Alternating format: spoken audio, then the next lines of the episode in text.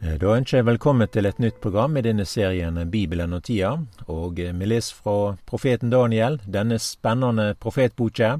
Det er i kapittel fem at vi har overgangen fra det ene riket til det andre. Det er det babylonske riket, det feller. Og så er det da det medopersiske riket som kommer på verdensarenaen. Og her er det jo veldig mye bibelmateriale som har med denne tida å gjøre. Vi kan nevne Esters bok, Nehemja og Esra. Det er òg profetene Sakarias, Hagai og Malakias. Og i hovedsak så har dette å gjøre med når jødene vender tilbake til Jerusalem fra fangenskapet i Babel. De bygger byen og Judea. Og dette er jo hendinger som vi følger tett på, da.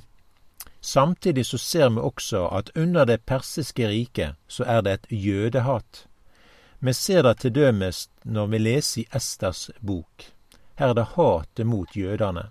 Men vi ser det òg med profeten Daniel. Og det er Daniel sjøl som blir gjenstand for misunnelse, og eh, det blir laga et lovverk mot eh, Daniel, som jøde da, der han får ei stor utfordring. Det blir et forbud mot å be, vende seg mot Jerusalem, og òg dette her med å feire Herrens høgtider, osv. Men dette er jo det typiske. Eh, vi ser at de fant ingenting å ta Daniel på. Eh, innledninga her i kapittel seks så står det følgende at Daniel merkte seg ut framfor riksrådene og satrapene av de de var i høg ånd i han. Og derfor tenkte kongen på å sette han over heile riket. Da prøvde riksrådene, satrapene, å finne noe å klage Daniel for i det som gjaldt riksstyringa, men de fant ingenting av, til å finne noe skyld eller noe urett, for han var tru, og det fanns ikke forsøming eller lovbrott Johan. han. Da sa disse mennene, vi finner ingen grunn til å klage eller klage mot Daniel, om vi da ikke kunne finne noe å klage han for i gudsdyrkinga hans. Og da storma da disse riksrådene og satrapene inn til kongen, og så sa de til kongen, kong Darius leve evig. Alle riksrådene i riket, eh, statsalderne og satrapene og rådsherrene og landshøvdingene har samrådd seg om at det bør utferdes et kongelig vedtekt og eh, gjeves et strengt påbud. Hver den som innen 30 dager er lidende, be til noen annen gud eller til noe menneske uten til deg, konge, skal kastes til løvhåla. Konge, gjev nå et slikt påbud, la det skrivast ned så det etter det urikkelige lova hjå medarane og persarane ikkje kan kallast attende. I samsvar med det som så kong Darius sette opp et skriv med et slikt påbud.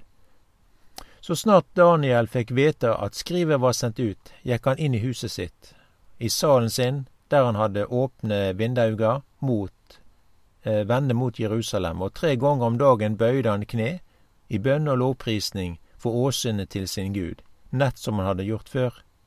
Da storma disse mennene inn og fant Daniel, medan han, holdt på å be og kalle på sin Gud. Det er jo mange ting som vi merker oss når vi leser dette her ifra profeten Daniel, kapittel seks her. Um, vi ser jo at disse riksrådene og statsholderne, altså, de var jo veldig på hugget til å felle Daniel. Og to ganger leser vi dette her at de storma. Altså, de storma inn til kongen Darius, og de storma inn mens Daniel er i bønn til sin Gud.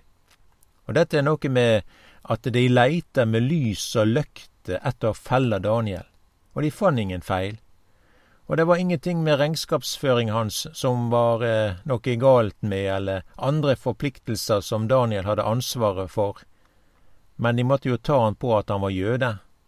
Og det er det som Daniel her gjør, for da han var jøde, han vender seg mot og, og til Jerusalem, og det gjorde han tre ganger om dagen. Han ba til sin Gud. Og en jøde, for eksempel, han er jo forplikta på å tenke på Jerusalem.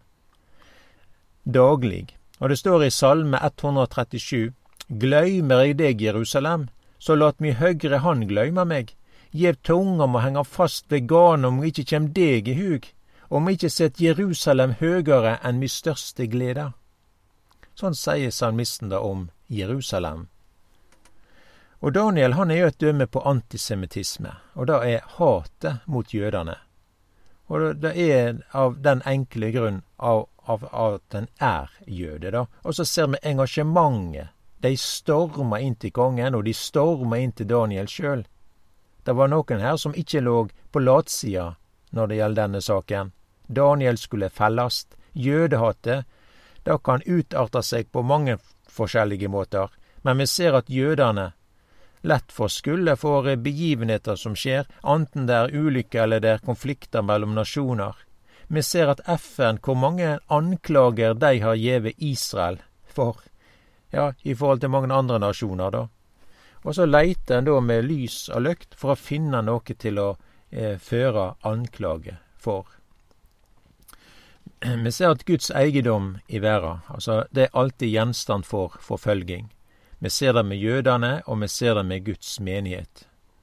Og det kan se ut som at alle er i løvehåla, for vi leser jo da at djevelen han går omkring som ei brølende løve. Det står omtalt på denne måten her i første Peters brev fem, altså vers åtte. Vær edrue, vak. Motstanderen dykkar, djevelen, går omkring som ei brølende løve og søker etter noen han kan sluke. Og det er òg en annen sak som vi kan, kan legge merke til med Daniel, og da er at eh, når han får vite om dette forbudet om at uh, en ikke skal be til noen andre enn til kongen, så ber Daniel likevel. Han endrer ikke sine bønevaner. Daniel veit at det er himmelen som har makta, og at det som nå skjer, det har Gud sjølv kontroll på.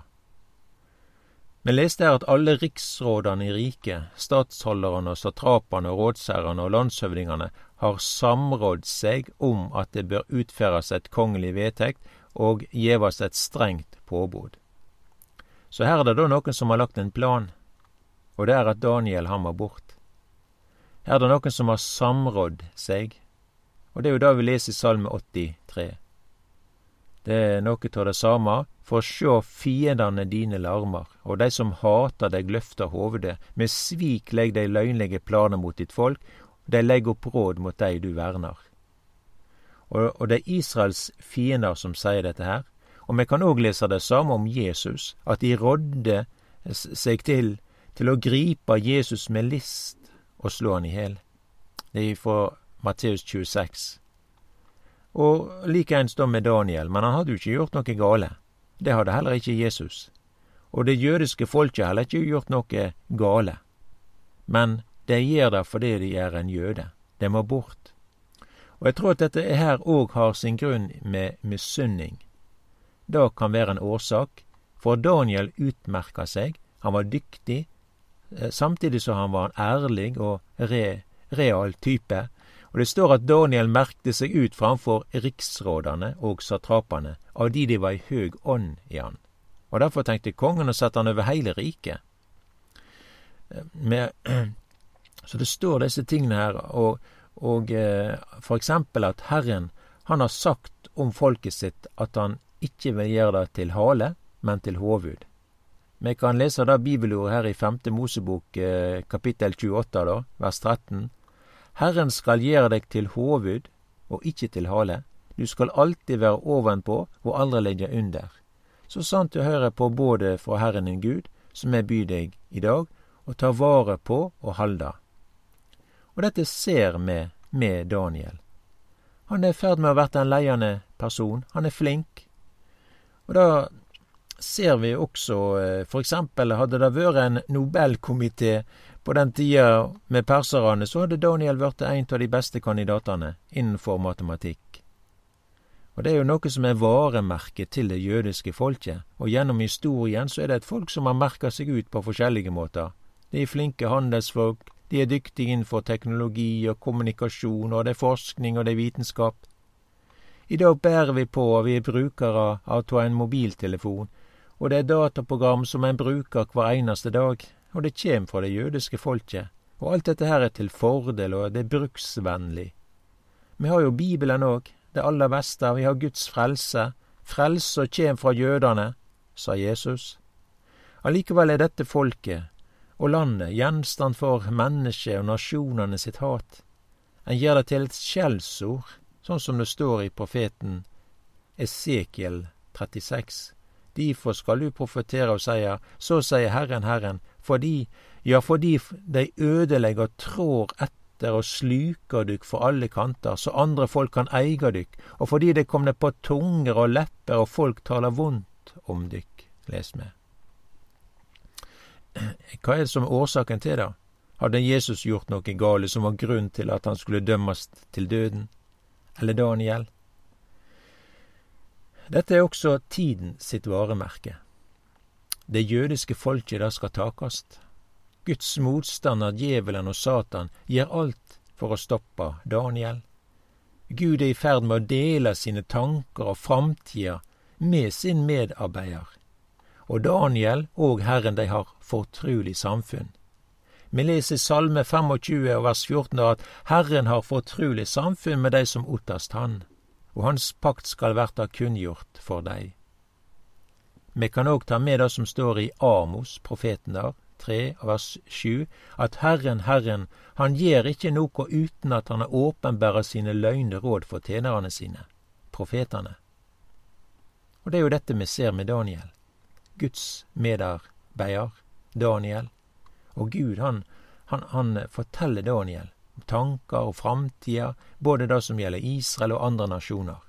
Og her er det mange saker og begivenheter og helt avgjørende sannheter for å vite hvem som sitter på truna, og hvem som er på det seirende laget. Profeten Daniel og det som har med Johannes' åpenbaring, er bøker som er viktige i Bibelen. Det er Guds ord. Vi får òg vite tidspunktet for Jesus, frelseren sitt, komme.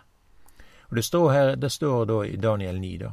Og Gud han, han har lagt ned veldig mye for å bevare Daniel, nettopp for å dele hans fortrulige planer og råd. Og djevelen han veit dette der, og han, han ser hva som er nå i ferd med å skje. Djevelen han setter heile statsapparatet inn, da, det persiske riket, for å felle Daniel. Men det går ikke. Ikke engang når Daniel er blant løvene så kan det skade denne gudsmannen Daniel. Saken er at Daniel er i Guds varetekt og omsorg. Det er ingen som er større enn Gud. Gud bevarer sine vitner. Som vi leste òg fra Salme 83, at Israels fiender de sier Kom, lat oss slette de ut.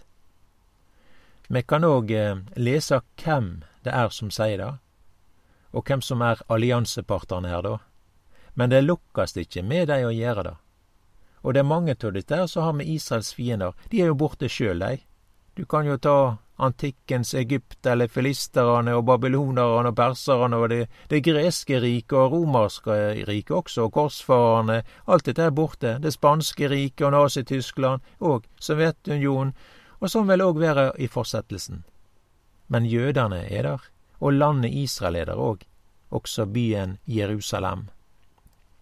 Både folket og landet har mange ganger vært i løvehola og i den brennende eldovnen, men det har ikke lukkast med å få bort jødene. Grunnen er Guds løfte. Vi kan sitere her fra salme, eller eh, profeten Jesajas boke 54 vers 17 der. Ingen av de våpna de smir mot deg, skal ha framgang, og hver tunge som går i rette med deg, skal du få dømt. Dette er arven til de som tjener Herren, og den retten de får av meg, sier Herren. Og Det samme ser vi også med Guds menighet. De kristne de er blitt fengsla, de er blitt torturert, og martyrskaren den er stor. Det brønner mange bål både av bibler og av kristne, men Guds rike det veks. Guds rike har framgang, og det er noe med at det er ingen av disse våpnene her, de smir imot deg skal ha framgang. Det er himmelen som har makte. Og når Han vil, så kaller Herren heim si kyrkja, sin lekam, si brud, menigheten, heim til seg. Og jeg tror at det er begivenheter som kan skje hva tid som helst. Tida sine mange tegn forteller oss da. Jesus kjem snart igjen.